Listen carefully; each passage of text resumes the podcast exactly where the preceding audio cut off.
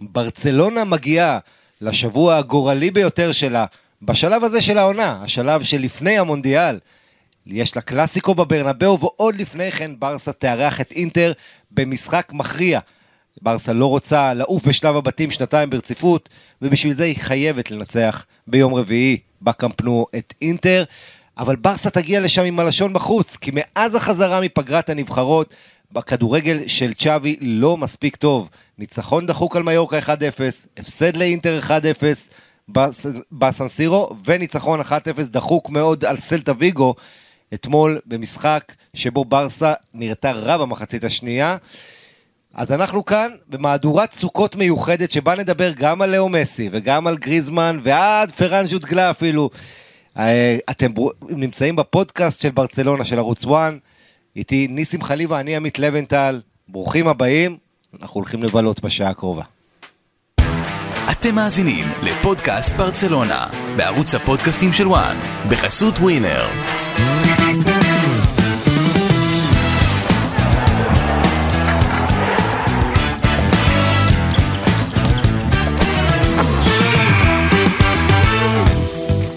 שלום שלום, חג שמח, ניסים חליבה, חג שמח. חג שמח. ואתה יודע, אנחנו בסוכות, אז הכנתי לנו משהו קטן להמשך על ארבעת המינים של ברצלונה. ואני אבחר את השחקנים שלדעתי מייצגים מי מהם בסגל, זה אתרוג, מלולב. אבל עכשיו, היינו צריכים לקשט פה את החדר.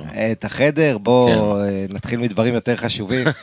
אה, אז אנחנו אה, נדבר פה על ברסה בתוכנית שלנו הקרובה, בפודקאסט הזה. בערוץ 1, ויש לנו לא מעט נושאים לדון בהם, נושאים מרכזיים. אבל אנחנו כמובן חייבים להתחיל מאותו משחק מול סלטה. 1-0, אתה יודע, ניסים, הרבה חשבו ברסה מגיעה מאוד עצבנית אחרי ההפסד לאינטר, הפסד שבו היא באה בטענות לשופטים, היא לא הפסיקה, אתה יודע, במידה רבה של צדק, אבל ראו קבוצה עם המון עצבים, שגם סובלת מפציעות, והרגשה שהנה באה סלטה בקמפנו, וזו הזדמנות של ברסה ככה קצת לתת בראש, מה שנקרא. להשתחרר. לפ... להשתחרר לפני המשחקים מול אינטר ומול ריאל ווואלה. יוצאים מהמשחק הזה מול יאגו אספס וחבורתו בתחושה שהיה קצת נס, מחצית שנייה רעה של ברסה. איך אתה לוקח את המשחק הזה, ואם לז... למקד אותך, ניסים, תן לי מה הכי מעודד אותך ומה הכי מדאיג אותך בהופעה של ברסה. אמ, איכשהו מה שמעודד אותי ומדאיג אותי זה אותו שחקן, אותה נקודה, ג'ורדי אלבה. מעודד אותי לראות אותו אתמול. הוא היה לפי דעתי, ביחד עם פדרי, השחקן הכי טוב על הדשא. אמ, הוא היה מעורב, כמו שאנחנו אהבנו להגיד פעם ב, ב, בעיתונים, במהלך שהוביל לשער במסירה, לפי דעתי נהדרת לגבי, שעשה שם תנועה כן. אדירה. היה לו משחק ממש ממש טוב, והיה מאוד אקטיבי. אמ, וזה מעודד לראות את ג'ורדי אלבה אמ, בעמדת המגן השמאלי עוד פעם. וזה גם מטריד אותי מאוד. כי ג'ורדי אלבה נשרף בברצלונה והוא משחק עכשיו אך ורק כי מרקוס אלונסו היה אה, בלם בעת צרה ואפילו בלדמו עדף לפניו. כן, הכל בגלל שאריק בעצם לא היה כשיר ב-100%, ככה נודע אחרי המשחק. צ'אבי, הרי הציפייה הייתה שאריק ופיקי יפתחו כבלמים, שני הבלמים הכשירים היחידים, קונדה, אראוכו, קריסטנסן אה, כמובן לא שם. אבל בסוף, ברגע האחרון, גם אריק לא היה, אז מרקוס אלונסו כבלם. ושים לב, גם ג'ורדי אלבה וגם פיקה, שני שחקנים שבמועדון רצו שיעזבו בעצם, בגלל העניינים... רוצים. ועדיין, בגלל העניינים הכלכליים, או לפחות שיורידו בשכר כמות משמעותית, אבל... שני אלה בסוף משחקים בהרכב בתקופה חשובה, אנחנו נדבר גם על פיקה עוד מעט. אז תראה, אני רוצה לדבר על ה... אה, קודם כל נתחיל מאכזבה. מחצית שנייה הכי גרועה של לבנדובסקי מאז שהוא הגיע לברסה. תשע נגיעות היו לו בכדור, בכל המחצית השנייה. מדהים. עכשיו, אתה יודע, וזה בדיוק ההבדל המרכזי בין לבנדובסקי למסי. כי אה, מסי הרבה יותר מעורב במשחק, שגם בדקות, נגיד, תיקח בחשבון שברסה הייתה מתגוננת. מסי יכול לקבל כדור ולהוציא מתפרצת, לבנדובסקי עדיין, כמה שהוא שחקן ענק, הוא לא יכול, קשה מאוד כשהקבוצה סביבו לא טובה. יסלח לי לבנדובסקי, אבל אי אפשר להגיד את השם לאו מסי ולבנדובסקי באותה נשימה. כן, אבל אני אומר, שניהם נותנים לך אה, כמות גדולה מאוד של שערים, נכון. חלק, נתח גדול, בזה הם דומים, אבל בהשפעה על המשחק שלא הולך, ושצריך... לבנדובסקי תלוי מאוד באיך השחקנים סביבו מזינים אותו, בתנועה של הקשרים, בכדורי הרוחב של שחקני הכנף והמגנים, ופתאום אתמול מחצית שנייה, שברסה הלכה אחורה, ולבנדובסקי בכלל לא היה פקטור, ואז אתה שואל את עצמך, אם הוא נוגע תשע פעמים במחצית, אולי עדיף שהוא ינוח קצת לקראת המשחקים הבאמת חשובים, אבל כמובן, צ'אבי בסוף, וזה המשך מחמיא לו. ישיר למה שראינו באינטר. ובואו בוא נתחיל מזה שסלטה אתמול הפתיע, אנחנו מכירים את סלטה כקבוצה אה, משוחררת, התקפית, התקפית. אתמול הייתה הכנה נהדרת מבחינה טקטית של סלטה, ואני משוכנע שבסלטה יסתכלו על המשחק נגד אינטר, כי אינטר שיחקה בגדול עם שלושה בלמים מאחורה. אתמול סלטה לא שיחקה עם שלושה בלמים, אבל אה, פרן בלטרן, שהיה בעצם הקשר האחור- האחורי, שיחק אה, בשפה המקצועית קוראים לזה אנקורמן, איש הציר. תמיד הוא ככה. בסלטה זה התפקיד והוא עושה את זה מעולה. יורד אחורה כל הזמן, משחק לפעמים כבלם שלישי, בחלק מהמקרים, אתמול סלטה שיחקה 4-1-3-2, אבל בחלק מהמקרים זה היה 5-3-2, כי פירן אה, פרן בלטרן ממש ירד אחורה לעזור לשני הבלמים הלבנדובסקי. ומה שציינת על לבנדובסקי, שזה סך הכל של 25 נגיעות בכדור בכל המשחק, ותשע במחצית כן. שנייה. ראיתי 27, היו לו 27, אז כל- כל- כל זה התעדכן אפליקציה קצת, והמספרים שלה, נכון, כן. אבל בסדר, זה אומר שהוא לא היה קיים מחצית שנייה. הוא היה בתוך מלכוד, וזה, וזו, סליחה, אה, נורת אזהרה חמורה לברצלונה. ואני מסתכל על ההרכב, ואולי, אולי, במשחקים כאלה, שווה לנטוש את ה-4-3-3, ולעבור לסוג של 4-2-3-1. עוד שחקן נקודתי, מתחת ללבנדובסקי, אולי אפילו פדרי שיהיה שם, אולי אפילו גבי, אולי אפילו פבלו טורה, איפה הוא? מי... כן, היה דיבור שאתמול הוא יקבל את ההופעת בכורה, אה, הקשר הצעיר שהגיע מראסינג סנטנדר, פבלו טורס, זה לא קרה כי בארסה התקשתה. אה, אני מקבל את ה-4, 2, 3, 1, אה, היה בתקופה של קומה קצת, והרבה יש להם טראומות, אבל אם אתה אומר 2, אז מי השניים האחוריים שלך? בכל יום, במשחק נגד סלטה לצורך ו- העניין? גבי ובוסקטס. לא, פדרי ודו יונג. אה, השניים האחוריים. כן, פדרי ודו יונג. אוקיי, לא, דה יונג אתה אומר, אבל עדיין, דה יונג בוא לא נשכח, היה לו פציעה בפגרת הנבחרות. בהנחה והוא ב-20. כשיר, כן. פדרי ודו יונג. אם הוא לא כשיר, פדרי ובוסקץ. למה לא בוסקץ? אני אסביר. אז כי איפה, אז גבי לא- לא בהרכב. גבי לא בהרכב. אני חושב שגבי, נכון להיום, אני אני מקבל על זה? קצת כאפות מאוהדי ברצלונה. אני, קודם כל אני מצדיע לך על האומץ, אני מאוד אוהב דעות שהן לא פופולריות, כי אתה יודע, להגיד את מה שכולם אומרים זה הכי קל. נכון. ולהביא משהו יצירתי משלך, שהוא גם לא פופולרי, אני מאוד מעריך את זה. אבל אני- אני לא אומר את זה מהסיבות האלו. אבל גבי, תשמע, אני חושב שגבי הכי חשוב לברסה כשהיא בלי הכדור. קודם כל, הוא זה שלחץ את פרן בלטרן, את פרן בלטרן במחצית הראשונה, והרג לסלטה את היציאות קדימה. הוא תמיד השחקן הכי חשוב בעיניי, גבי, בלחץ, בגלל שהוא לא מפסיק לעבוד, ללחוץ, תמיד לשמור על הקשר האחורי של היריבה, לחטוף המון כדורים למעלה. אה, התנועה, אתמול הוא גם הוסיף את התנועה שהובילה לשער הראשון, אה, ורץ יותר מ-13 קילומטר, שזה באמת מטורף.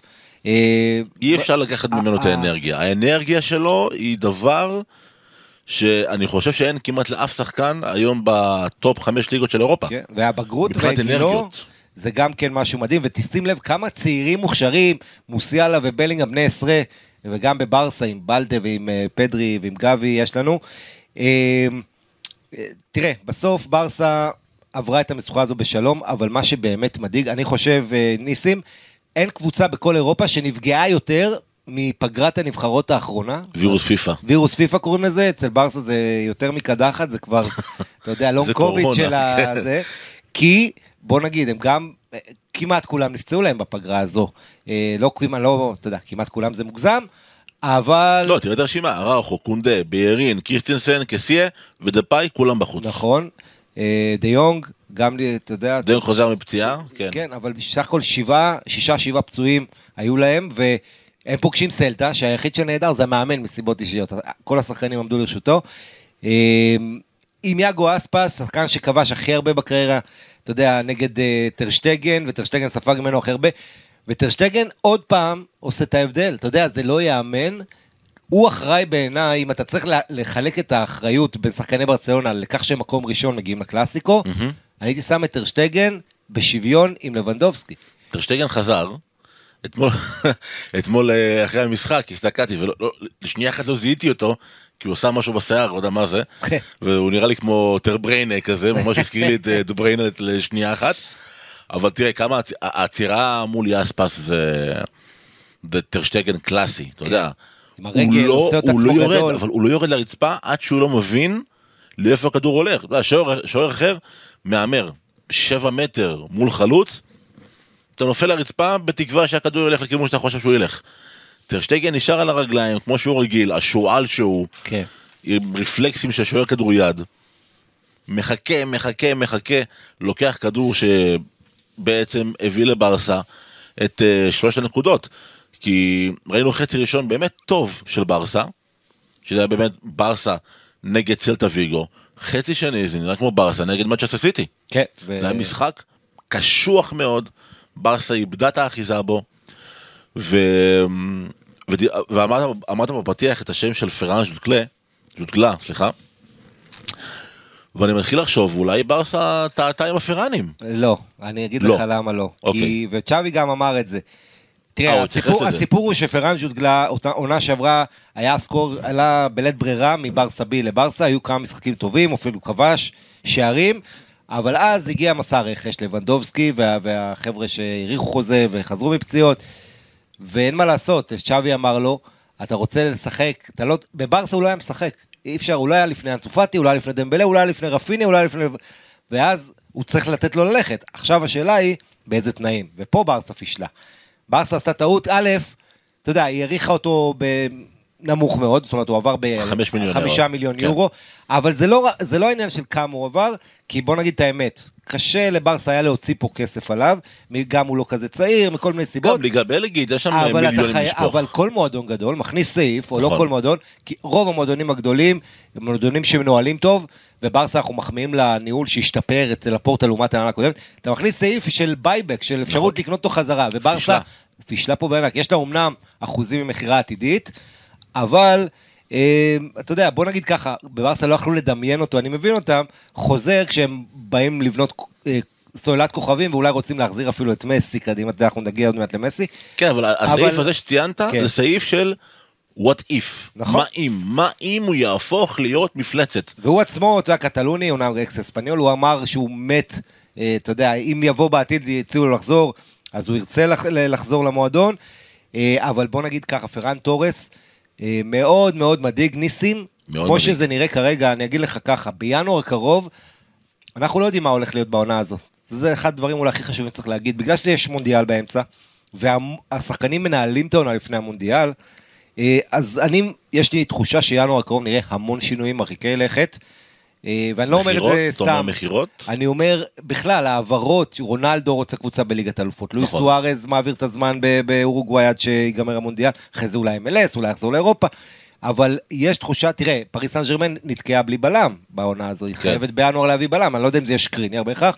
או מישהו אחר, וגם לדעתי קשר אחורי. מעניין. אתה רואה שיש שחקן, בעמדות מסוימות, שקבוצות חייבות להתחזק גדולות, אה, ואני אומר את זה, תראה, פראן טורס, קשה לראות אותו עוזב בינואר מכל הסיבות, אבל כמו שזה נראה כרגע, אני לא רואה אותו בברסה עונה הבאה. הוא לא מספיק נותן, כל הגיבוי שצ'אבי נותן לו, הוא נותן לו. והוא נותן לו, אבל מה לעשות, הוא נותן לכולם, הוא גם נתן לאובמיאנג, ואובמיאנג, אתה יודע איפה הוא היום, בצ'לסי. אה, זה לא נראה טוב, מבחינת פרן תורס, הוא נראה חסר ביטחון, הוא נראה לא בעמדה שלו, אני מזכיר לך, בנבחרת ספרד הוא פרח בעיקר בתשע מדומה, פה הוא משחק בקו שמאל, כשיש לו תשע אמיתי באמצע, הוא חסר ביטחון, וכרגע אה, אני חושב שברסה אה, במצב בעייתי מאוד עם פרן תורס. אפשר להגיד את זה גם על אנסו פאטי, לא?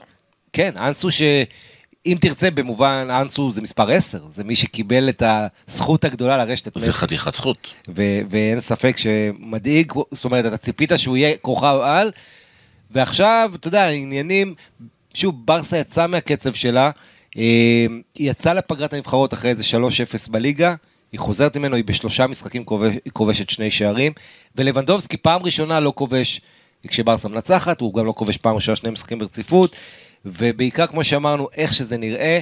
יש לך עוד משהו להגיד על המשחק מול סלטה, או שנתקדם? מה- משהו אחרון שאני רואה את זה כל העונה וזה טיפה מדאיג אותי. אה, צ'אבי אה, באסכולה החדשה של המאמנים מאוד מאמין בכך שמה- שהמגינים לא עושים overlap, לא חותכים על הקו, אלא נשאר, נשארים טיפה מאחורה, טיפה קרובים לקשרים בשביל להחזיר את הכדורים השניים במידה ומאבדים כדור. אני חושב שזה מוציא המון המון עוקץ מהיציר, מהיצירתיות של ברצלונה. אני חושב שזה מונע מהמון כדורים להגיע ללבנדובסקי. אה, אני חושב שפרן תורס ופאטי, שבמהותם הם לא ווינגרים, הם יותר אה, חלוצי- לאמצע, הם ברגל חלוצי. כנף, כן. חלוצים שמהכנף נכנסים פנימה.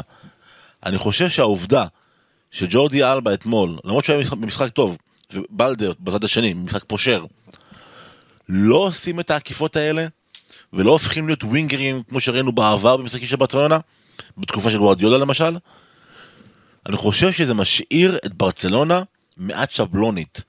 וראינו את זה נגד אינטר, וראינו את זה אתמול נגד סלטה ויגו. יש בעיה התקפית. כן, וזה פוגע ו- מאוד בלבנדובסקי. ושוב, אמרת את זה וצריך לחזור על זה. לבנדובסקי הוא לא לאו מסי. אין לאו מסי ביקום הזה. אין, לא יהיה. באמת. אבל אולי הוא יחזור, אנחנו נדבר על זה אנחנו נדבר על זה עוד מעט. אני רק אה, אגיד לך, אה, ניסים, ש... כן. אה, אני חושב שאתה נגעת פה בנקודה חשובה. אתמול ברסה, היה לה הרבה בעיות עם כל הפציעות, והאילתור, אף אחד לא ראה את מרקוס אלונסו בתור בלם בהרכב הזה, אבל, אבל אני רוצה לגעת בנקודה אחת. ג'ורדי אלבה, שאתה מדבר עליו, תשמע, עד הקיץ זה השחקן שהיה בטח מהשחקנים שהם לא חלוצים, הכי מעורב בהתקפות. נכון. כל, אתה זוכר כמה הוא הכניס העונה הכי כדורים טובה שלו. למסי? עונה שעברה מעורב ב-12 גולים. שזה הכי הרבה בקריירה אה, לפי דעתי. כן, והוא היה, ואני מדבר רק בליגה, אה, זאת אומרת, מספרים של השחקנים שנתנו הכי הרבה תרומה התקפית לברסה, ואז מגיע הקיץ, ו... וצ'אבי פתאום, אה, אתה יודע, מוריד אותו לרמה זה שהוא לא לא צ'אבי, קיים. זה המועדון. זה המועדון, וזה, בסדר. זה מציק לי שברסה עושה אתלטיקו מדריד. נכון. כי אתלטיקו מדריד נורא נורא עם צינית עם גריזמן, ופתאום ברסה מאוד צינית עם אה, ג'ורדי אלבה. ועם וס- פיקה ובוסקץ. ואני ו- מבין, ושטקן, ואני יודע שגם ו- האוהדים כועסים על אלבה, כי הם רואים בו כסמל לפירוק המנטלי ההוא, אני מבין את כל זה ואני גם לוקח את זה בחשבון. אבל עדיין יש פה תחושה שג'ורדי אלבה הפך להיות צעיר לעזאזל, בגלל השכר הגדול שהוא מרוויח, ואני חושב, ואני לא אומר את זה עכשיו, כי לא תגידו ניסים אומר בדיעבד, אמרתי את זה לפני שני המשחקים נגד אינטר. מרקוס אלונסו לא צריך לפתוח כמגן שמאלי בברצלונה כי הוא לא מתאים עדיין לשיטה. הוא מכיר קו של חמש, לא קו של ארבע, הוא עוד לא השתלב, אני חושב שג'ורדי אלבה חייב להיות המגן השמאלי הפותח של ברצלונה, ו... ולצערי הרב זה פוגע בברצלונה. יפה, אז אנחנו uh, ממשיכים אחרי המשחק מול סלטה, אנחנו עוד נתייחס לסלטה כשעוד מעט אנחנו נדבר. הדיון הבא שלנו זה לקראת השבוע הגדול הקרוב, ואחרי זה גם אנחנו נדבר על uh, חזרה אולי של מסי, ואנחנו נדבר על עניינים נוספים ניהוליים, uh, כלכלי, ניגע. אבל לפני זה אנחנו בחג סוכות, אה. אז אני רוצה להגיד חג שמח לכל המאזינים, ובכלל המאזינים בפודקאסטים של וואן, והכנתי איזה פינה קטנה מיוחדת, ארבע המינים של, ארבעת המינים של צ'אבי. וואו. אה, אז אה, כן, זה יהיה קצר. אה, ומי האתרוג של ברצלונה? מי האתרוג של צ'אבי? אז אני הלכתי על דמבלה. עכשיו, כשאתה אומר אתרוג, כן. צריך להגיד, אתרוג יש לו שני מובנים. אני מדבר כמובן ב... ב כן, מובנים עמוקים. אתה יכול להגיד שחקן עם טעם ועם ריח, זאת אומרת שיש בו הכל. גם תכלס, גם זה. לראות אתרוג מהזווית הזאת, ואתרוג גם זה מישהו שאתה יודע, הוא מאותרג, ששומרים עליו שהוא ה baby של המאמן, שהוא בכל... אז הלכתי על דמבלה. שאתה זוכר עונה שעברה, ברסה בינואר, אחרי שהוא לא האריך חוזה, רצה לייבש אותו, כן. וצ'אבי אתרג אותו ואמר, אני רוצה להוציא ממנו את המיטב, וזה השתלם לו, והוא קיבל על זה המון מחמאות, כי דמבלה היה המבשל הבכיר בכל אירופה בחצי השני של העונה. ותשמע, דמבלה, אה, אגב, שומר, בוא נגיד ככה, מפתיחת העונה הזו, רצף הכי גדול שלו בברסה כשחקן, כשהוא כשיר, שהוא גם נראה די טוב, שני גולים, ארבעה בישולים, אפילו שצ'אבי רוצה ממנו יותר יציבות. אה, אז אתה יודע, דמבלה, אני רואה אותו כמי ששומרים עליו, וצריך להגיד, החוזה שלו, שהוא חתם בקיץ, ביולי, הוא עד 2024, והוא, נכון. והוא טריקי, כי הוא עם סעיף שחרור די נמוך, 50 מיליון יורו, כשמתוך 50 מיליון ברסה רואה רק חצי, 25, וחצי שני, 25 שניים, הולכים לדמבלה ולסוכן שלו, מוסה סיסוקו. זה מוביל את ברסה כבר עכשיו, בשבועות הקרובים, לנסות לשנות את התנאים, להגיד לו, אם אתה רוצה, בוא... בוא תאריך. בוא תאריך וכאילו תחסוך לנו את ההשפלה של התנאים הנוראים. אה, עוד אתרוג זה אראוכו, למה? כי הוא תמיד אה, שומר על הסמל של המועדון. אז אתה יודע, הוא זה שישבור שיא עולם בקפיצה לרוחק אה, בשבילו אה, לדרוך על הסמל של ברסה. אה, וכמובן, אראוכו הפך בעיניי לסוג לאהוב החדש לאוהדים, ולאו דווקא ברמה התחרותית וה- והמקצועית, יותר ברמת האישיות. ראינו את זה במשחק סמל. הידידות עם, עם מונסו, איך הוא בא, הוא היה היחיד שהלך וחיבק את כל האנשים עם, ה-ALS שם על כיסאות גלגלים, אה, והאיש הזה, אראוכו הרבה יותר מרק שחקן, אתה יודע, לב האורוגוואי הגדול שלו, אה, הוא בעצם היה הבסיס האתלטי היחיד בהגנה הקודמת. הוא נכנס לנעליים של פיקה, פיקה. היה נכון. במשך שנים רבות עד כל העסקנות שלו, היה הסמל של ברצלונה אחרי פויול, ועכשיו אה, אראוכו יורש את המעמד. נכון, עכשיו הלולב זה לבנדובסקי, כי זה אותם אותיות בערך, לולב ולבנדובסקי, אבל בעיקר, אתה יודע, לולב, מה, זה הטעם בלי הריח, נכון, זה התכלס, זה היעילות. אה, לבנדובסקי, כן, הוא יודע לעשות את הדברים יפה, אבל בסוף, לבנדובסקי שחקן של תכלס, בלי הפלצנות, בלי להעביר בין הרגליים, הוא בדרך כלל יודע לשים את הכדור ברשת, לעשות את ההבדל הקטן גדול הזה מברסה של העונה שעברה, שהייתה קצת אה, בלי, כמו תרנגול בלי ראש, שלא היה למי לתת את הכדור ברחבה. אז אה, אתה יודע, הוא מצליף גם ביריבות כמו לולב עם הבעיטות שלו, אז ניתן ללבנדובסקי את הקרדיט עם התמר הלולב הפולני הזה. אה, גם טרשטגן אפשר לראות בסוג של לולב, באותו, באותם דברים שאמרתי על לבנדובסקי, רק בצד ההגנתי, כמה פעמים שהוא מציל את ברסה. עכשיו, מי זה הדס, ומה זה בכלל ריח בלי טעם, אני, אתה יודע, חשבתי על זה, זה קצת קשה, בוא נגיד, זה הקטגוריה הכי קשה. למי הלכת? אז. אמרתי, תשמע, ריח זה, זה האווירה, זה, אתה יודע, אתה נכנס לאיזה מקום, ויש איזה ניחוח, וזה עושה אותך באיזה vibe מסוים, באיזה הווי מסוים. אה, אתה יודע, לפי הריח, הוא מרגיע אותך, או מכעיס אותך. אתה יודע, זה המשהו, אז הלכתי על בוסקץ, שהוא, אה, אתה יודע, ריח בלי טעם, מה זאת אומרת? הוא הדבר שמחבר את צ'אבי לפפ, את ה-DNA, אף אחד לא מדבר עליו, תמיד יעשה את העבודה בשקט, הוא אף פעם נכון. לא ייפצע, תמיד יהיה כשצריך אותו, הוא תמיד יעשה את ההצגה שתסחוט את האדום מהיריב ותנצח לברסה את המשחק ואף אחד לא ידבר, אבל בוסקץ בעיניי הוא הריח הזה ש... שאתה מזהה את המנה הזאת שנקראת ברסה, והערבה, פיקה, כי הוא מיובש אחרי שקירה, גם ברמת החיים האישיים וגם ברמה המקצועית, אז פיקה... ענק שלך. אה, כן, בוא נגיד אה, בלי טעם, בלי זה, אבל בוא, עם נשיאות עתידית אולי של המועדון, אה, אני לא חושב שיש פה- אולי, הוא יהיה נשיא המועדון מתישהו, אני תראה, משוכנע בזה. הוא כרגע שולט באנדורה, והמאמן של אנדורה אמר, אני עכשיו בשתי ידיים מקבל אותו, אנדורה שהמטרה שלה זה לעלות לליגה, ואז להגיע לליגת האלופות, תחת הבעלות של פיקה, אה, אבל נגיד ככה, פיקה, אני חייב להגיד ש...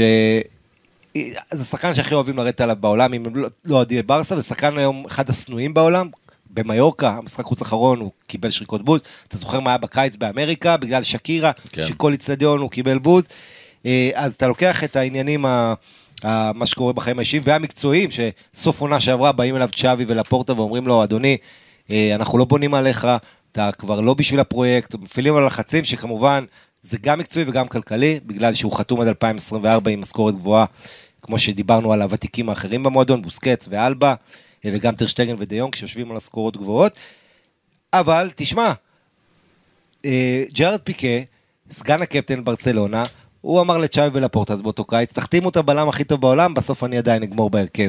עכשיו זה משפט מעין יהיר כזה, אבל אתה יודע שזה בא משחקן בית שגדל, זה סוג של ג'יימי קרגר, אז בליברפול שכל ה...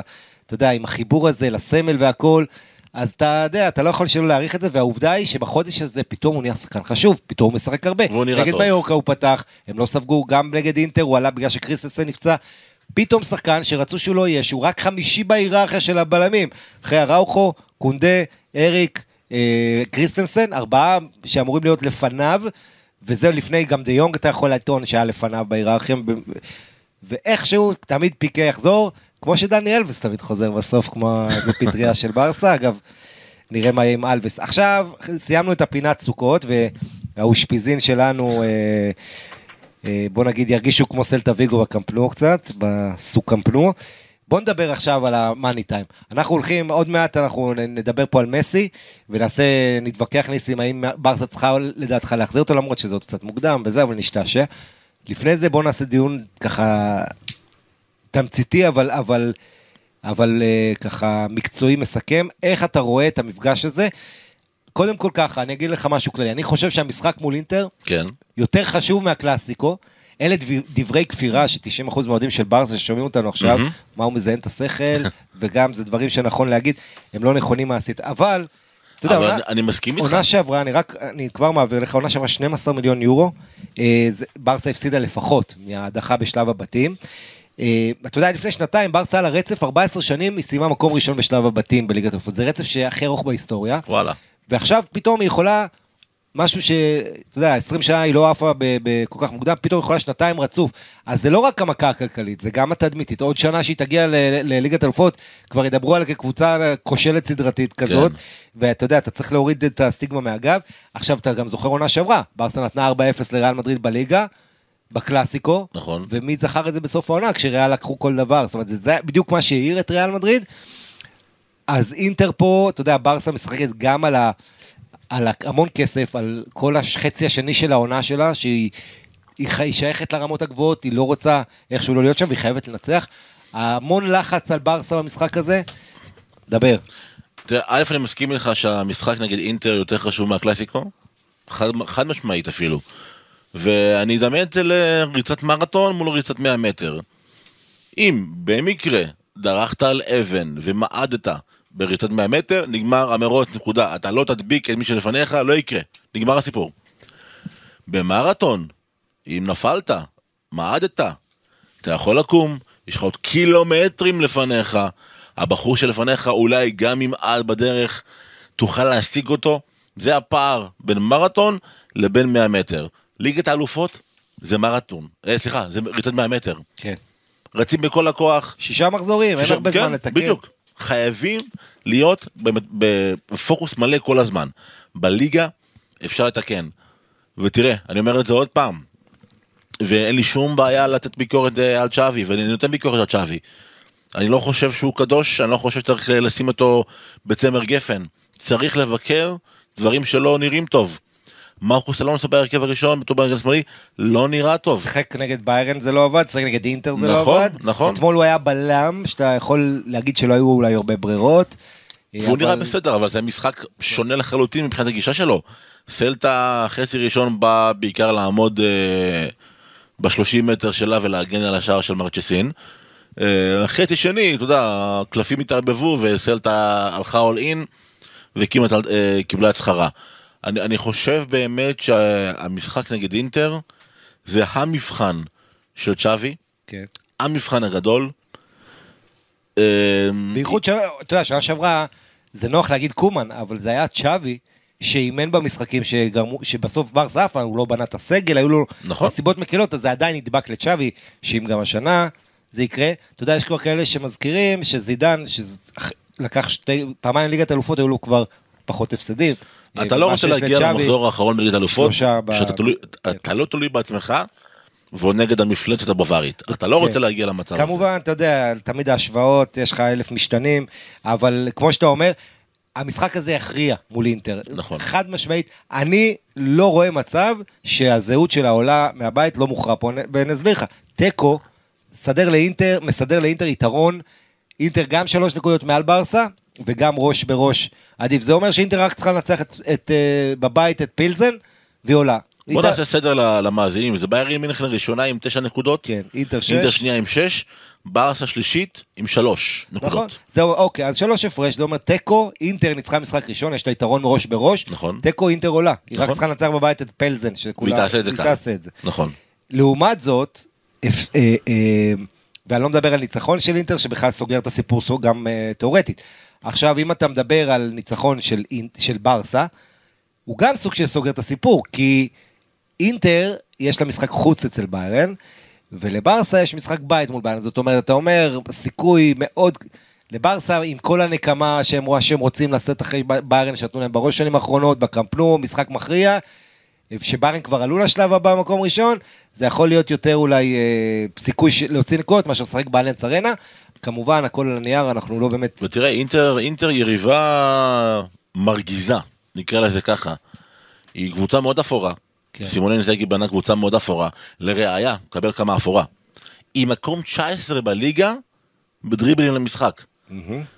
מקום 19, היא- ארבע כן. דריבלים למשחק. כן. משמע קבוצה מאוד לא יצירתית, אבל מאוד ממושמעת. ו... ויהיה יהיה לברסה קשה מאוד, ואני חושב שצ'אבי, אם אני צ'אבי, ואמרתי את זה גם במשחק הקודם, והוא לא הקשיב לי, במרכאות, אבל אם אני צ'אבי, אני פותח עם דמבלה בימין, ועם פאטי בשמאל. כן. פאטי, מול שלושה בלמים, יכול להיות האקס פקטור שמשחרר את לבנדובסקי. כי לבנדובסקי נניח וזה יהיה רפיניה ודמבלה בכל צד, זה בעצם אומר שלבנדובסקי לבד מול שלושה בלמים, הם יהרגו אותו. כן, הם עשו את זה כבר, נכון. שקליניאר והחברים, משחק נכון. ראשון. אה, שתי הקבוצות סובלות מחוסר יצירתיות לאחרונה. גם ברסה הייתה מאוד לא יצירתית, ולראיה, לבנדובסקי לא רשם שום... האיום היחיד שלו על הסטטיסטית דקה 11, נגיד לך תמיד שגם אתה ואני עוצרים, אז אז בעצם משחק שלם בלי איום. ואין, ת- כמובן אין את המסי הזה, אצל, אבל בוא נגיד ככה, אצל אינזאגי, זה ככה הוא משחק, ככה הוא אוהב לשחק. נכון. ו- וזה הכדורגל שהוא כדורגל מגיב, הוא מאוד אוהב שש שטחים ולשחק על מתפרצות. צריך להגיד, לוקאקו, הכוכב הגדול שהוא צריך אותו כמו אוויר לנשימה, אה, בחוץ כבר חודש ומשהו, מסוף אוגוסט, הוא יכול מאוד להיות, יחזור על הספסל במשחק הזה. אה, קריטי. והשאלה היא, בדיוק, ו- ופה, אתה יודע, זה שיכול לעלות פתאום, זה יכול להיות קריטי. אני חושב שבמשחקים האלה, הדברים הקטנים, אלה עושים את ההבדל. למשל, מצבים נייחים, זה בדיוק לכאן או לשני הצדדים, זה יכול להכריע. אה, אינטר עד שהיא לא סופגת שער והיא לא צריכה לצאת קדימה, אתה יודע, תרגיש בנוח, יש לה גם הרבה ניסיון כבר, אתה יודע, היא כבר קבוצה שכל שנה מגיעה ליגת אלופות, אחרי שנים שהיא לא הייתה במפעל הזה. אה, כמובן ההיעדרות של ברוזוביץ' מאוד משמעותית באמצע, אין לו תחליף באינטר. נכון, נכון. זה נקודה טובה, הלחץ של, אה, של ברסה יכול להיות הרבה יותר אפקטיבי כשאין ברוזוביץ' על הדשא. כן, אני חושב, אה, יש לך תחושה לקראת אה, מה יהיה שם? אה, תראה, אני חושב שברסה תיתן בראש. אני, לא יודע אם היא תיתן בראש, אני חושב שיהיה משחק מאוד מותח וצמוד, אני חושב שזה ייגמר על חודו של שער, לדעתי. גם חשוב, לה, חשוב להזכיר שאינטר הצליחה לכפר על נקודת התורפה שלה מתחילת העונה. כן. סמיר אנדנוביץ' היה שוער פותח והוא פשוט נוראי, סליחה, הוא כל כן. משחק שווה שער, חובה, נכון. כל משחק. אי- אינטר ספגה עם אנדנוביץ' 13 גולים בשמונת המחזורים הראשונים. מדהים. עם אוננה בליגת האלופות, שהוא אוננה ספגה רק את שלושה משחקים בליגת האלופות, היא שמרה על רשת נקייה מול פלזן וגם אה, מול אינטר. ואוננה היה מצוין נגד ברצלונה. והמשחק הכי טוב שלו אגב היה דווקא מול ביירן, שהוא ספג שני גולים, אבל אתה יודע, גם רשם הצלות. צריך להגיד, אוננה, הרבה מחמאות, הקמרוני בן 26, היום נבחרת קמרון, אנחנו נראה אותו גם במונדיאל, ועדיין, אם לא השריקה היא, אתה יודע, על היד הזאת של פאטי, אז היינו מציינים את הטעות שלו שעלתה לאינטר. תראה כמה כדורגל, זה משחק על, על מילימטרים, ואנחנו הרבה פעמים מדברים ככה, אבל אין ספק שהוא שדרוג לעומת אנדנוביץ', שאיבד קצת מהרגליים שלו. כבר אין לו, לא מגיע בזינוקים. בכל מקרה, אם אני צריך להמר, פינות, כן. אם אני צריך להמר, 2-1, לברסה. ברסה. כן. יפה, ועכשיו יש לנו, אני רוצה, לקלאסיקו, תראה, אנחנו ביום חמישי נקליט פרק מיוחד לקראת הקלאסיקו. ואני גם לא חושב שיש טעם לדון במשחק שעד אז ריאל לא טסה לאוקראינה, ולך תדע מי ייפצע ומה יהיה הניוז. טסה לפולין. אבל, אה, טסה לפולין, לשחק מול שכתר, נכון. אה, אבל, ואני רוצה להגיד, יש תחושה, ניסים, שבוע לפני הקלאסיקו, לפחות אצלי, שריאל תגיע לשם עם יתרון, ואני אגיד לך למה. א', קודם כל, קורטואה נפצע, בן זמן נפצע, לדעתי לקלאסיקו, אתה יודע, הם יגיעו, ריאל יותר רגועה, יש לה יותר עומק, יש לה פחות תלות, ב, ב, אם תרצה, מה שדיברנו על תלות בבן שזה זמן. מצחיק, איך התהפכו היוצרות משנה שעברה. בדיוק. זה מראה על העבודה הנהדרת של אנצ'לוטי ואיך הוא בנה את הברזילאים. יש לה כמובן בקישור עם ולוורדה, צ'ואמני, קמבינגה, המון המון גם רגליים ו- ומתחלפים שם. fight אדיר, ברסה קצת, השלישייה הזאת באמצע נשחקת. יש לריאל מדריד בלמים, לברסה אין בלמים. ו... או, אז, אז ככה. זה למה אנחנו לא מדברים, כי אנחנו לא יודעים מה יהיה, ולדעתי, לפי מה שאנחנו קוראים, מה יהיה אבל באינטר? אנחנו יודעים מי חוזר? קשור. לא, לאינטר. מי מי חוזר מהבלמים? אתה יודע להגיד לי? לאינטר אני יכול להגיד לך שקונדה כנראה לא יהיה, זאת אומרת, לא רוצים אראוכו לא יהיה לסכן אותו. בוודאות, נכון? אראוכו לא יהיה, אראוכו לא שם. כן. אבל אה, לגבי, יש סיכוי שקונדה יהיה, ולגבי אחרים אנחנו ממתינים... אה, וואו, קשוח. כן, כן, אנחנו עוד ממתינים לניוז. אנחנו מקליטים פה אחרי המשחק של ברסה, בוקר אחרי, אז עדיין אין לנו את כל הידיעות, אבל אה, אנחנו נותנים את ההנחות על סמך אה, מה שיש לנו. ברסה, כמה אתה חושב שה-4-0 עונה שעברה יושב לריאל בראש, הרצון לנקמה? אני חושב שזה לא קיים בכלל בראש שלהם. אני חושב שריאל מדריד, תקשיב, אם זו הייתה קבוצה צעירה של חבר'ה בני 23-24, שאתה יודע, קיבלו כאפה ועדיין אה, איכשהו זה מהדהד להם בתת מודע, הייתי אומר לך וואלה סבבה, יש מצב שזה מהדהד להם באמת. קרוס, מודריץ', בן זמה, מיליטאו, אלה שחקנים, קורטואה, אלה שחקנים כל כך מנוסים, שמבינים, וגם כמובן אנצ'לוטי, בואו בוא נדבר שם על אנצ'לוטי, אנצ'לוטי קוראים לו אדון, אדון הוא סוג של אבא לשחקנים, ויש לו את היכולת ממש לשחק עם המתח של השחקנים. הוא מצליח להוריד את המתח שצריך, להעלות אותו שצריך, רואים את זה במומנטומים של ריאל מדריד תוך כדי המשחק. אני חושב שאנצ'לוטי עושה עבודה מדהימה בכל מה שקשור ל man management, ומה שנקרא לנער את השחקנים שלו ולשחרר כל מיני טראומות אה, וטעויות אחורה. אתה יודע, כמה אנצ'לוטי עד ירדו עליו, אני זוכר לך קלאסיקו 4-0 ההוא. הרגו אותו, אמרו שהוא מאמן שתמיד נכשל במשחקים החשובים, והזכירו לו את ה-4-0 שהוא חטף מאתלטיקו בדרבי בקדנציה הקודמת, ועוד נפילות. אה, וזה היה לפני המשחקים ההירואיים בליגת אלופות, והזכייה בדאבל אליפות וליגת אלופות. אז, אז אתה יודע, נכנסו בו, אמרו שהוא לא עושה מספיק רוטציות, לא מנצל את הס... ממש כל מה שהם שמרו עליו אה, יצא אז אחרי אותו קלאסיקו, ואז ריאל רצה עד סוף העונה נהדר. אה, ובואו נגיד ככה, אתה, העונה הזו, הרבה בספרד מדברים על כך שהסתיימו הארבע-חמש שנים שאלופות, זה היה מספיק להם 86-87 נקודות. ריאל וברסה, 22 נקודות מ-24 אפשריות. שתיהן עשו תיקו ושבעה ניצחונות.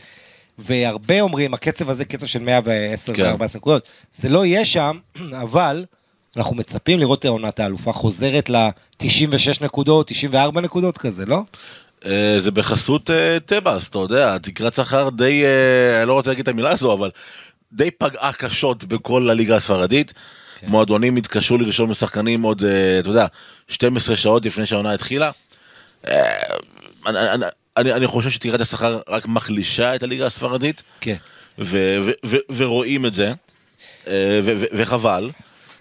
ו- והפערים ענקיים, אתה רואה את הפער בין, בין ריאל מדריד לברצלונה לבין אה, שאר אני הליגה. לא מסכים דווקא, כאילו... שמה? מה אתה לא מסכים? עם מה אתה לא מסכים? אני חושב שדווקא הקבוצות, כן. אה, כמו בטיס, ריאל סוסיידד, ויה ריאל, כל הדרג הזה, אה, קבוצות מצוינות לדעתי, היום היא עמוקות, שנותנות fight. אני מסכים איתך שהליגה הזו סובלת כלכלית והכל, זה נכון, אבל כמו שאני רואה את זה, ראינו את אוססונה בברנבאו, נכון שזה היה יוצא דופן קצת, כן. אבל מה שאני אומר, שיש לך בליגה הזו 10-12 קבוצות טובות, ולמעלה 6 שהן ממש ממש איכותיות, גם בלבאו, שזה לא, בכלל לא קל, אבל ברסה וריאל יש להם את היתרון, ה... אין מה לעשות, הקצת מעבר. אה, אז ברסה תגיע לקלאסיקו במקום ראשון. ניסימה, יש לנו מחויבות לווינר. אני רוצה לשתף אותך ביחסים, לפני שאנחנו עוברים לדבר על לאו מסי. שוט. היחסים אה, ב- למשחק ברצלונה מול אינטר ביום רביעי בליגת אלופות, לפי הווינר. אה, שים לב לזה, ברצלונה 1.35. וואו. תיקו 4 ו-10, וואו. שזה, תשמע, אה, אחלה דרך להפסיד כסף, זה מפתה. ואינטר 5.60. וואו. אה, כן, עוד פעם, אז שוב, אנחנו לוקחים בחשבון שזה הקרפנואו, שברסה חייבת ניצחון. אתה לוקח את הנתונים ששתיהן בליגות, ברסה הרבה יותר טובה מאינטר, אינטר פתחה עם ארבעה הפסדי ליגה, יש הרבה מאוד ביקורות על אינזאגי, אה, הרבה, אתה יודע, בעיות שיש שם, וברסה בבית, ב... אתה מצפה שהיא תעשה את זה, אבל אתה אומר לי לא יהיה קל. לא יהיה קל. אני- אני חושב שלא, שוב, לא מתחשבים בעובדה של אה, לאינטר יש שלושה בלמים כשירים ולברסה יש אחד ורבע. נכון? אתה יודע, זה קשוח. זה זה נכון. קשוח מאוד מה שקורה היום בברסה. כן, ואתה יודע, בוא, בוא נראה, זאגי עשה רוטציות מול ססוולו, אה, אבל עדיין, קצת כמו ברסה, החלק שהכי פחות עשה רוטציות זה הקישור, אה, נראה מה יהיה. עכשיו, אה, אנחנו הולכים לדבר על לאו מסי, ולפני זה זה מעברון כלל. נתון בוויכוח. אז מה אתה חושב, ניסים? יש הרבה שאומרים, אה, מה אתם צריכים עכשיו את מסי?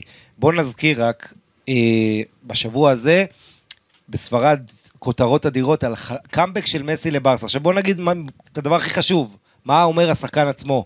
הוא אומר, עד המונדיאל לא מעניין אותי שום דבר, רק ארגנטינה.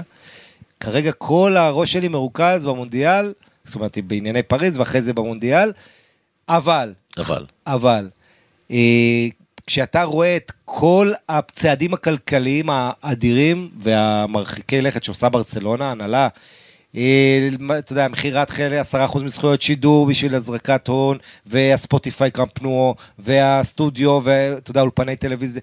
ברסה באמת אפשרה לעצמה אה, לפנות הרבה כסף, והיא ממשיכה לעבוד קשה, כמו שאמרנו, עם השחקנים שמרוויחים הרבה, והכל לא הכל, אבל אחת מהמחשבות זה להחזיר את מסי בעונה הבאה. עכשיו, יש פה כמה משתנים. כן. משתנה אחד, וזה, היום אני קראתי על זה כתבה בעיתון, בעיתון הקטלוני ספורט. אחד העניינים, אחד משלושה תנאים, זה שמסי יקבל את זה שהוא לא חוזר ככוכב על. הוא חוזר למכונה של צ'אבי, שצ'אבי הוא הכוכב הגדול, ומסי, הוא בא, אתה יודע, הוא יבוא לשם כשחקן כוכב אמנם, אבל לא יהיה לו את המעמד המיוחד, לא כלכלית, זאת אומרת, גם הוא בא, זה כמובן עכשיו יהיה במשכורת שפויה. שפויה, ש... כן. שרלוונטית למציאות, וכמובן, ה... היכולת שלו להיות, לא רוצה להגיד שלום תקווה של ברצלונה, אבל לדעת לנצל אותו, באמת, אתה יודע, חצי שעה לסיום אתה צריך גול, אתה, אתה אין אה, כמו להעלות את מסי מהספסל. מסי עם שפם? עם המספר 14. אבל... אה, ש- 14 אבל- אני שואל אותך. לאו מסי, השחקן הגדול בהיסטוריה, כל הדברים האלה, אתה חושב שהוא מסוגל להפנים ולהגיע לבד, אנחנו מדברים עכשיו היפותטית, אנחנו כן. לא יודעים מה יהיה במונדיאל, אנחנו לא יודעים כלום. אבל המונדיאל שמסי אמר יהיה האחרון שלו. נכון. אה, אבל אתה רואה בכלל את מסי מסוגל לחזור לברסה, אתה רואה את זה בראש, תסריט כזה, והוא הופך להיות שחקן כזה שעוזר לנצח משחקים? תראה, אה, וואו. זה עניין של state of mind, אוקיי? ואני חושב שאנחנו צריכים, צריכים לעכל את העובדה שכמו שאמרת, המונדיאל האחרון של מסי, ואנחנו לקראת, ה... לקראת הסוף, זה הולך להיגמר. ואני חושב שצריך להסתכל על זה משני אספקטים שונים. זה חזרה למועדון וחזרה לקבוצה. אוקיי, עכשיו מסי כבר זרק באיזה ראיון לפני שבוע, שהוא לא יודע אם הוא רוצה לאמן, כרגע הוא לא, לא סגור על זה, הוא בכלל לא חושב על זה, אבל הוא, הוא זרק פתאום את זידן, גם זידן לא רצה לאמן, ואז הוא חזר להיות מאמן, הלך להיות מאמן וזכה ב, בשלוש אה, ליגת האלופות, אני לא רוצה שהוא יאמן, אבל גם אני לא, ואז. הוא הוסיף, אבל אולי מנהל מקצועי, אני יכול לראות את עצמי כמנהל מקצועי שמלווה את המועדון ועושה את הדברים מאחורי הקלעים. עכשיו יכול להיות שמסי, בעזרת השם, עם גביע העולם בידיו, אה, יגיד, אוקיי, אני השגתי הכל. אין לי בעיה לחזור לקבוצה, אין לי בעיה לחזור לקבוצה בשביל לעזור לקבוצה, ולעזור לצ'אבי שהוא אח שלי. אין לי בעיה לחזור גם למועדון, ולהתחיל ללמוד מאחורי הקלעים איך עובדים בתוך המועדון בעזרת אה, ג'ורדי קרויף, אה, והלמן, ולפורטה, ו... ואתה יודע, ולהפוך להיות לאט לאט לא מסי המשיח שהיה עד כה, אלא מסי שעושה את הטרנזקציה להיות הסמל של ברצלונה, החואקין של ברסה. החואקין של ברסה, אבל לא, לא, לא ברמה של כל משחק הוא משחק, אלא הוא שם בשביל ללוות את המועדון להצלחה, ברמה המקצועית, בתור מנהל מקצועי לצורך העניין, וללוות גם את השחקנים שאיתו להצלחה, כסוג של קפטן, חצי קפטן, חצי עוזר מאמן, לא תמיד משחק, מסביר לשחקנים, נותן להם את הדרך איך להסתכל על המשחק.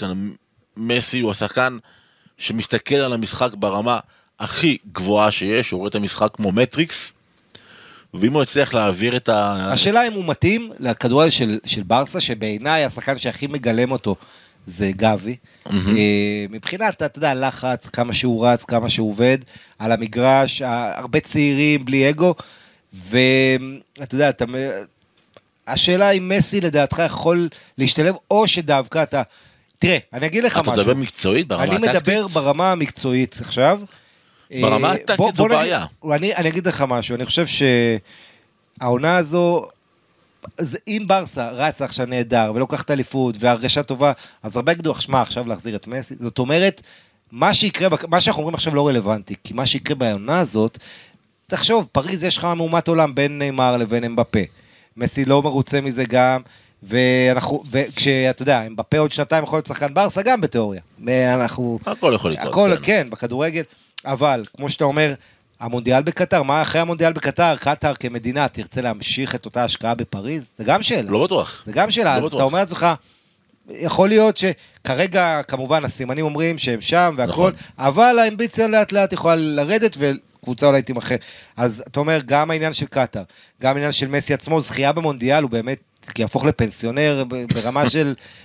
עשיתי את שלי בכדורגל, הנעליים, כן. ש, שאז אני אומר דווקא להחזיר אותו לברסה יכול להיות צרות, כי הוא שחקן שכבר שבע, אתה, לא רוצה אולי, למרות שמסי, עוד פעם, כבודו במקומו.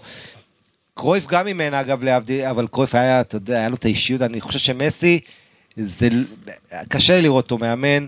מבחינת, אה, אתה יודע, זה, זה סתם לקחת אותו במעמד שלו, ולמרות שעוד פעם, גם הרבה שחקנים גדולים, שחקני התקפה ניסו, אני מעדיף שזה לא יקרה אצלו. גם אני, אני לא רוצה לראות את מסי על הקווים, ואחרי כן, זה מפוטר. אני חושב שבעיקר הוא יהיה מתוסכל שאין שחקן עם הכישרון שלו, שיכול לעשות את מה שהוא יודע, וזה הרבה פעמים הטרגדיה של שחקני התקפה מוכשרים שהופכים למאמנים.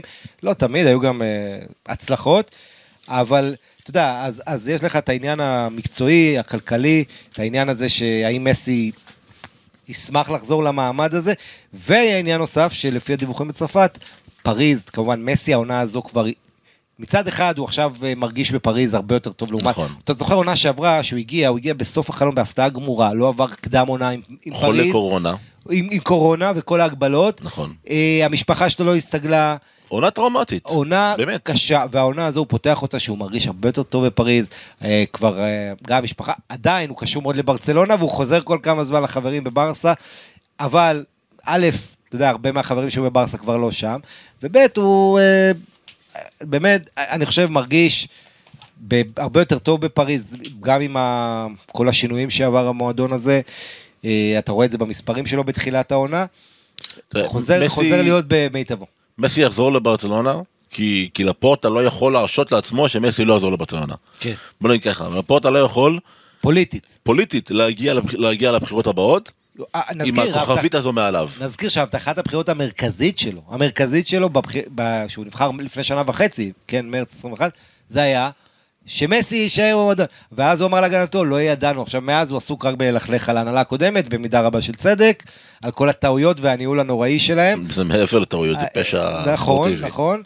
אבל אה, בוא נראה אותו עמל על זה. כמו שאתה אומר, יש פה גם עניין פוליטי. נכון. אה, וברצלונה מועדון מאוד פוליטי, אנחנו יודעים את זה. כן, ואני חושב ש... מסי צריך לחזור, אבל עוד פעם, אם, אני אומר ככה, אם ברסה דווקא תצליח העונה הזו והיא תיקח אליפות ואולי תגיע רחוק בליגת האלופות, אנחנו נשמע קולות מן הטבעיים שיגידו למה לחזור אחורה, ויזכירו את זה שמסי לא רץ, לעומת זאת הקבוצה של פדרי וגבי ורצים בלי סוף, האם אתה יכול לשחק עם מסי ולבנדובסקי ביחד, יהיו שאלות שישאלו, אני חושב שזה יהיה ככה, זה- התסריט כן. שלי. חוזר לעונה הבאה, עונת פרישה מהכדורגל האירופי, בסוף העונה, הפסל. אה, או, אז אתה רוצה שאני אקריא לך על הפסל? יאללה, תקריא על הפסל. אז אה, ז'ואן לפורטה, נשיא ברצלונה, אה, חבר יקר של המערכת ובאופן אישי, אומר כמובן שיהיה פסל של מסי מחוץ לקמפנוע, לצידו של יוהאן קרויף. זה, הנושא הזה של פסל של מסי לא נמצא בכלל תחת דיון, ההחלטה הזו כבר התקבלה והיא תיושם. הלוואי שזה יקרה בקרוב, ואני אגיד לך עוד משהו, הלוואי שבברצלונה פסלים יותר טובים מהפסלים בפורטוגל, שעשו פסלים של פיגו וקוראים להם פסלים? של רונלדו. אתה ראית את המערכון קומי שעשו על דיוויד בקאם? כן. אם לא ראיתם, תחפשו ביוטיוב בקאם סטאצ'יו, זה אחד הדברים הקוראים שראיתי. בקאם, יש שם לבן, צהוב, סגול, מרוב הפדיחות. אבל אני רק אסיים את התסריט שלי, עונת פרישה בכדורגל האירופי, העונה הבאה, אה, סוף העונה, טקס אה, חשיפת הפסל, סוף העונה, מסי טס לו למיאמי, חובר לבוסקץ וללואי סוארז בקבוצה של דויד בקאם, אפרופו בקאם, כן. ואולי אחרי שתי עונות אחרונות ב- ב-MLS, סוגר קריירה בניולס בויס, וחוזר בגיל 38 ככה לברצלונה, ומתחיל לטקס החניכה שלו כהמנהל הספורטיבי החדש של ברצלונה, ובא לציון גואל. ככה אני רואה את. הקריירה של מסי. זה התסריט של ניסים חליבה, ואהבתי, קניתי. אמ, אני חושב ש... אתה יודע, משהו ואת מת... כל זה אגב הוא עושה בתור אלוף עולם, שכחתי להגיד את. זה. זה הכי חשוב. כן. אה, משהו מת בכדורגל מאז המעבר הזה. ואגב, זה לא רק מסי, זה עוד דברים שקרו, רונלדו ועוד כמה דברים, אבל התחושה היא שאצל, אתה יודע, המון אנשים, אוהדי ברסה, שזה כן, ואחרים, שמשהו לא טבעי, זה כמו ילד שלקחו אותו מהמשפחה ומסרו אותו. אה, השילוב הזה, מסי בפריז, מלאכותי קצת, שחקן שכל הקריירה, אתה מגיל 12 שם בברצלונה, עם כל הסיפור הרומנטי, ולא היה אמור לעזוב בכלל. יש פה איזה רצון לקלוז'ר, ואתה יודע, יהיה מאוד מאוד מעניין. אה, אני, הלוואי, אני חושב שברסה תתאמץ להחזיר אותו בקיץ. כמו שאתה אומר, הפוליטיקה גם חשובה פה. אה, ולפורטה מבין שלהביא את מסי ייתן לו נקודות, ואני חושב שגם מסי עצמו, בשלב כזה בקריירה, אחרי המונדיאל הקרוב, שהוא יתחיל לעשות, כמו שזידן הוריד לרונלדו דקות משחק, גם מסי יגיע למסקנה הזאת, שזה לטובתו בסוף. נכון. וה... אתה יודע, כל שבוע לשחק נגד יריבות קטנות שבאות לפרק לו את הרגליים, אולי זה פחות טוב בשלב הזה. זה גם לטובת הקבוצה בסופו של דבר. כן. אה, אז זה הדיון על מסי, אה, ואני רוצה, אתה יודע, לפני שנסיים, הנושא האחרון שניגע בו בקטנה, אה, זה הנושא הניהולי בברסה. אתה, אני, כמה, אנחנו ניגע בזה בצורה קצבית ו- ונעשה את זה חמש. דקות. אז ככה, האם אתה חושב שעסקת גריזמן, ברסה נהגה נכון? אני רוצה להזכיר, הסיפור של גריזמן בקצרה, אה, עובר לשנתיים השאלה באתלטיקו, שבסופם, אם הוא משחק 50% מהמשחקים, אה, אתלטיקו צריכה לשלם 40 מיליון יורו, אז אתלטיקו עושה טריקים מתחילת העונה. סימיונה מעלה את גריזמן כמעט כל המשחקים מהדקה ה-60, כדי שזה יהיה רק 20 מיליון יורו, והוא לא יעמוד בסך המשחקים, ואז מתחיל בעצם כל הגישה של אתלטיקו וסימיונה, לא סימיונה הוא קורבן פה, אבל של ההנהלה של אתלטיקו הייתה, אמרה, ברסה עוד מעט אה, תהיה, תתגמש, יהיה משא ומתן, כי ברסה, הדבר האחרון שהיא רוצה זה שאחרי שנתיים השאלה היא תיתקע עוד פעם עם גריזמן והמשכורת 24 מיליון יורו שחונק את המועדון הזה, את תקרת השכר וזה, ולכן ברסה עשתה פה איזה אה, התגמשות, אומנם היא מוותרת על כמעט חצי מהכסף, במקום 40 מיליון תקבל 20 מיליון ועוד 4 בבונוסים, נכון. וגם כספי מכירה עתידיים אפשריים, שזה... מצד שני, אה, כמו שאתה אומר, ברסה מוותרת קצת על הכסף, אבל היא מקבלת את הכסף עכשיו, וזה חשוב לאורך, אתה יודע, לנשימה לכל הבעיות הכלכליות, כבר לקבל כסף עכשיו לעומת נכון. לחכות, אז יש בזה, אתה יודע, עניין שתמיד אפשר להתווכח עליו. איך אתה רואה את זה? אז אתה שואל אם ברסה עשתה צעד נכון בכל... אה, אני שואל אם אתה מסכים עם ההתנהלות בפרשת גריזמן מהצד של ברסה. כן, חד וחלק, כן. הספינה טבעה, אוקיי? לפני שנה וחצי, הספינה התחילה לטבוע קשות. ובשביל להציל את הספינה, אה, אלמן, לפוטה, קרויף וכל החבר'ה היו צריכים לזרוק מהסיפון כל מה שמכביד על הספינה. גריזמן הכביד מאוד על הספינה. זרקו אותו וקשרו אליו ככה איזה חבל הצלה קטנצ'יק, אולי במידה ו...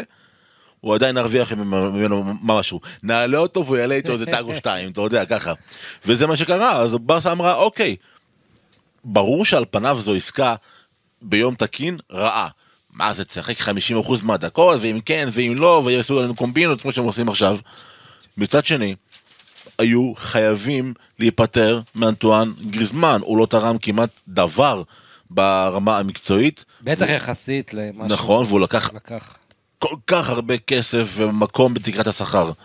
אני חושב שהלמן ולפורטה עשו את העסקה הכי יצירתית שהם יכולו לעשות, וזה שהם החליטו לבוא לאתלטיקו מדריד ולהגיד להם, אוקיי, לא רוצים בית משפט, לא רוצים בוררים, לא רוצים שום דבר. בואו באמצע, טוב לכם, טוב לנו, סגרו את זה ממש מהר, תראה, עבר... אה, אני חושב שחודשיים ככה מדברים כן. על זה באוויר, על אה, חודשיים, נכון. הקומבינה הזאתי. ופתאום הבוקר אנחנו קוראים, אה, קראתי ציוץ של פריצו רומניו, רומנו, סליחה, של הפורטה מסביר, שכמו שסיפרת, נסגרה העסקה, העסקה, 20 מיליון מובטח, 4 מיליון אירו בבונוסים, כן. ואם האתלטיקו מוכרת אותו, אז מגיע לברצלונה עד ה-40 מיליון אירו, שבעצם זה הסכום כן. המקורי. עסקה, לפי דעתי, הטובה ביותר כן. שאפשר היה להוציא על הבחור הזה. אני גם חושב, ואני חושב שכל הצדדים פה, אתה יודע, אתלטיקו נהגו פה בקשיחות כדי להשיג את המטרה שלהם, אה, וגם, אגב, אתלטיקו, הם, אתה יודע, הם קיבלו את גריזמן עם משכורת 16, אמרו לו תקצץ ל-8, עכשיו אומרים עליו תקצץ ל-4. הוא הולך לקצץ פעם שלישית בשביל אתלטיקו במשכורת, וזה כי השחקן יודע שאין לו ברירה, והמונדיאל הקרוב, אם, בוא נראה, אני לא רוצה, יש עוד נעשה תוכניות מונדיאל, אז אני לא אגיד מה אני חושב על גריזמן וצרפת עכשיו, נשאיר את זה במתח. אה, רק אני אזכיר לך את המספרים, 135 מיליון הוא עלה לברסה, והיא מוכרת אותו ב-20 מיליון, זאת אומרת 115 זה רק כמה היא שילמה עליו, בלי המשכורת ובלי להתחשב בזה שהוא דפק אותם שנה אחת של המתנה, כי הוא נשאר, אתה זוכר, ב-2018 ועבר שנה אחרי. שמע, זה מטורף, באמת. בקיצור, הרבה כסף וזה בלי קוטיניו ו- וכל ה- הכסף אחר שנשפך. מה הוא עושה היום, אגב? מי? ברטומאו. מה הוא עושה? הוא מתפלל שהוא לא ייכנס לכלא. זה מה שהוא עושה. מדהים. עכשיו בואו נדבר, אפרופו עניינים של ברטומיאו, אז אה, אתה יודע, השבוע זה היה מאחורי הקלעים של ברסה, מאוד מעניין וחשוב ברמה איפה? הכלכלית, לא, שזה זה תמיד תחום אפור, מספרים וכאלה, אבל אני רוצה כן לתת את הכותרות אוקיי. החשובות. דבר ראשון, אה, ברסה, אדוארד רומאו, אחראי הכלכלי בברסה, ובעיקר לפורטה הנשיא, חוזרים ומתעקשים. אנחנו בונים על הסופר ליגה, הם עושים הכל להכשיר את השרץ הזה. אה, ברסה לא חותרת, כמובן היו טענות שאחרי הקיפוח כביכול בסנסירו, עם אותו שופט ור שגם היה באליאנס ארנה כשרצו פנדל על דמבלה, אז... אה, אתה מאמין בזה אגב? בתיאוריות האלו? לא, מה פתאום. אה, אבל, אבל עוד פעם, כשברסה תקופח באירופה, אז יגידו, הרי ריאל ויובה זה אותו מצב, נכון? נכון. אז אתה, תמיד שהם לא ילך להם, הם ישתמשו בזה. אה, בסוף, תזכיר לי מי אלופת אירופה? הקבוצה שהכי נלחמה בה להקים את הסופר ליגה, אז אתה יודע, אז בואו נזכור גם את זה. תמיד... אבל בזכות. כן, בוודאי, אבל אני אומר שזה תירוצים ש, של מפסידים, אם ברסה הייתה משחקת טוב ומנצחת, אף אחד לא היה מדבר על זה. נכון. אמ, אז המטרה של ברסה סופר ליג שאמורה להכניס שלושה מיליארד יורו, הכוונה של ברסה היא מכרה עכשיו קדימה אה, חלק גדול לסיק סטריט, לכל מיני חברות, אה, בעצם משכנת העתיד, אבל הרעיון זה שברגע שתקום הסופר ליג, ברסה מיד, ויהיה לה את- הכסף, היא תקנה חזרה. נכון. וזה- כמו הלוואה בעצם. בדיוק, כמו משלמת- הלוואה. משלמת את ההלוואה. נכון, זה בשביל לתת להם עכשיו אפשרות חמצן ואפשרות ככה להתנהל, וזה, עשו את זה נכון מאוד אה, בעיניי, את כל ה... מה שעושים מאחורי הקלעים. עכשיו, דבר נוסף, תקרת שכר, ברסה, בשביל להבריא את המועדון, הם עושים תהליך עד 2024-2025, אה, תקרת שכר 500 מיליון יורו במועדון, שמתוך זה הקבוצה הבכירה זה רק 400, אה, 420, השאר זה אה, שאר קבוצות המועדון, כן. אה, כ- קבוצת המשנה ו- וכמובן מחלקות אחרות.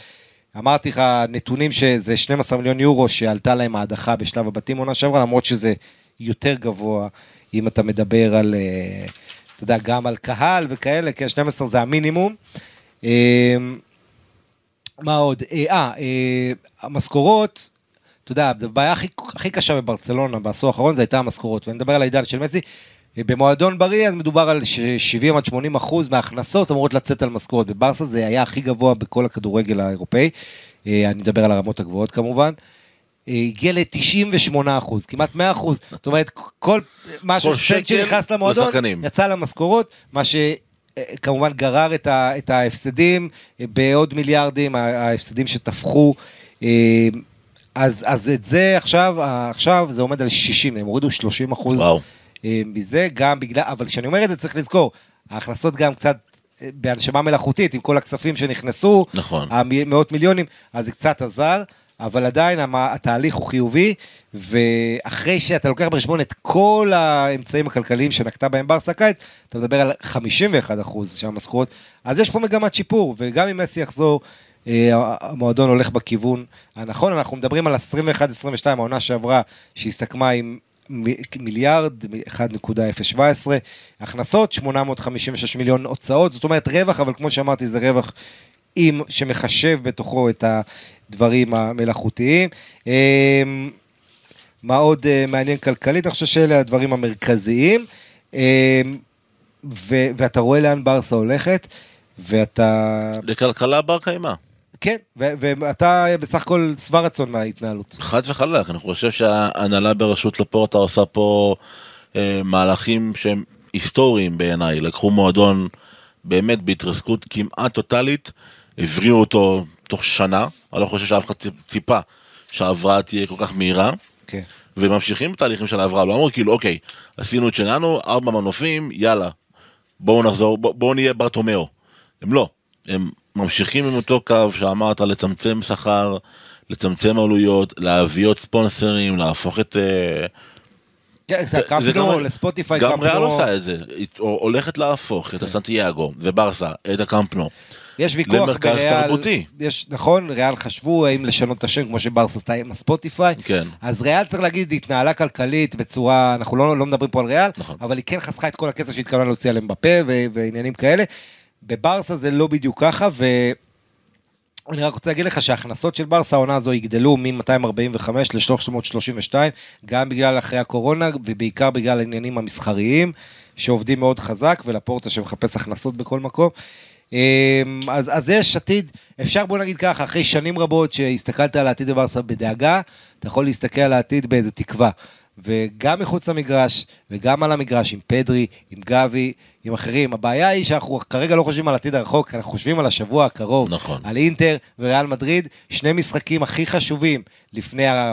לפני המונדיאל שיש לברסה, שני משחקים שיגדירו את העונה הזו, בטח ובטח המשחק בליגת האלופות, שאין ממנו דרך חזרה. נכון. ובקיצור, הולך להיות מעולה, מרגש, וזה שבוע חגיגי.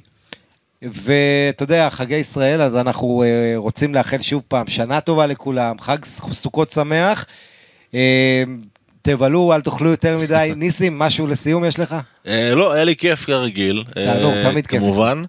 והלוואי שביום חמישי נפגש פה ונדבר על ניצחון גדול של ברצלונה ולא... כן, ויום חמישי, שוב, אנחנו נעשה תוכנית לקראת הקלאסיקו, כן. על ריאל ועל ברסה, שתהיה פיצוץ. אז עד כאן, הפודקאסט, פודקאסט על ברצלונה וערוץ וואן. ניסים חליבה, תודה רבה. תודה רבה, עמית. הייתי עמית לבנטל, נשתמע בהמשך השידורים שלנו בערוצי וואן ובפודקאסטים. ביי ביי. יאללה, צ'או.